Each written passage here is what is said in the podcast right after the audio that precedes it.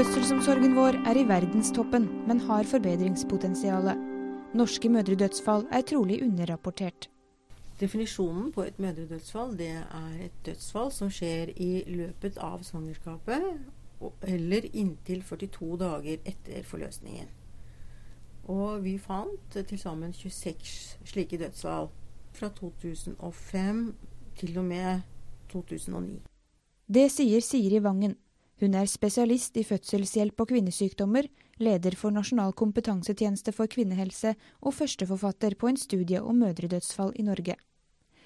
Dødsårsaken i seks av tilfellene var svangerskapsforgiftning, mens fire døde av blodpropp. Den viktigste dødsårsaken var svangerskapsforgiftning.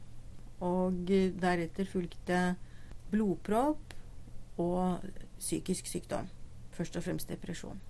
Psykisk sykdom som førte til selvmord, var den vanligste indirekte dødsårsaken. Indirekte mødredødsfall det er dødsfall som skyldes foruteksisterende sykdommer som forverres under graviditeten. Eh, det kan f.eks. være hjerte- og karsykdom, depresjon, sykdommer i sentralnervesystemet, infeksjoner som er utenfor genitaltraktus, eller østrogenavhengige kreftformer som f.eks. brystkreft.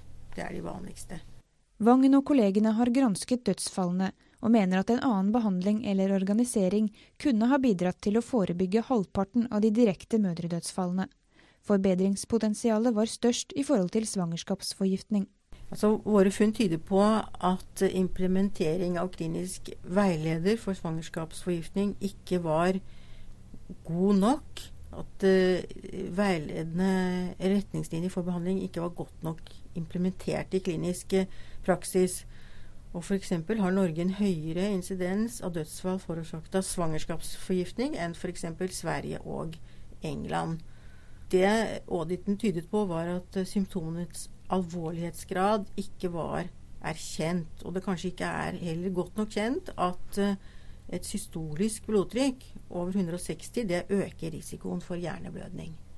Man kan aldri si sikkert ut fra en audit, og metoden legger heller ikke opp til at man skal uh, kunne gjøre det. Det legger ikke noe bevis for uh, hvor mange som kunne vært unngått. Men eh, målet er at man skal lære av uheldige hendelser og, og legge til rette for en, en eh, mer hensiktsmessig praksis. Vangen mener fokus i litt for liten grad er rettet mot mor. Også her er det rom for forbedringer.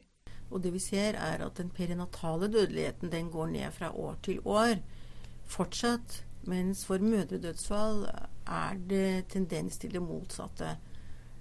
Eh, slik at et, et større fokus på, på mors eh, helse kan være fornuftig. Og også den eh, relativt høye dødeligheten av indirekte mødredødsfall, som denne studien er den første til å vise i Norge, viser at man, man, det er viktig at man tar mors helse på alvor. Og det er ikke slik at alle kvinner i fertil alder er helt friske. Det går bra med de aller fleste. Norge er et av de tryggeste landene i verden å føde i. Sverige og Finland har noe lavere mødredødelighet enn oss, mens vi ligger noe bedre an enn Danmark. Likevel dør flere enn dagens statistikk sier oss.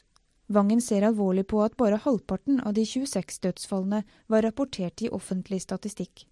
Jeg syns det er vel nærmest en slags svikt fra helseforvaltningen at vi ikke i et land som Norge vet, har et nøyaktig antall på hvor mange kvinner som, som dør i forbindelse med svangerskap og fødsel. Men det å registrere mødredødsfall er ikke så enkelt pga. definisjonen. For man kan ikke ta dødsfallene direkte ut av ett enkelt register. Og i Norge så rapporteres derfor mødredødsfall ved dødsmeldingen alene. Og det er ikke noe krysseboks eller noe informasjon på dødsmeldingen om graviditet, slik at den informasjonen fort kan forsvinne. Og fordi vi er så heldige å leve i et uh, rikt land, og har gode helseregistre, så er det eh, allikevel ganske enkelt å få tak i et nokså nøyaktig estimat ved å koble forskjellige registre. Fødselsregisteret, dødsårsaksregisteret, og nå er også Norsk pasientregister tilgjengelig. Så de midlene som eh, Kvinnehelsesenteret har fått, har gjort det mulig at det er tid og rom for å ta fatt i det. Siri Vangens medforfattere er Liv Ellingsen, Alice Beate Andersgaard, Anne Flemme Jacobsen, Bjørg Lorentzen, Lill Trine Nyfløtt, Astrid Betten Rygg, Svein Magnus Gulstad, Christian Tappert og Pål Øyan. Du kan lese hele artikkelen i tidsskriftet nummer åtte. Jeg heter Eline Feiring. Takk for at du hørte på.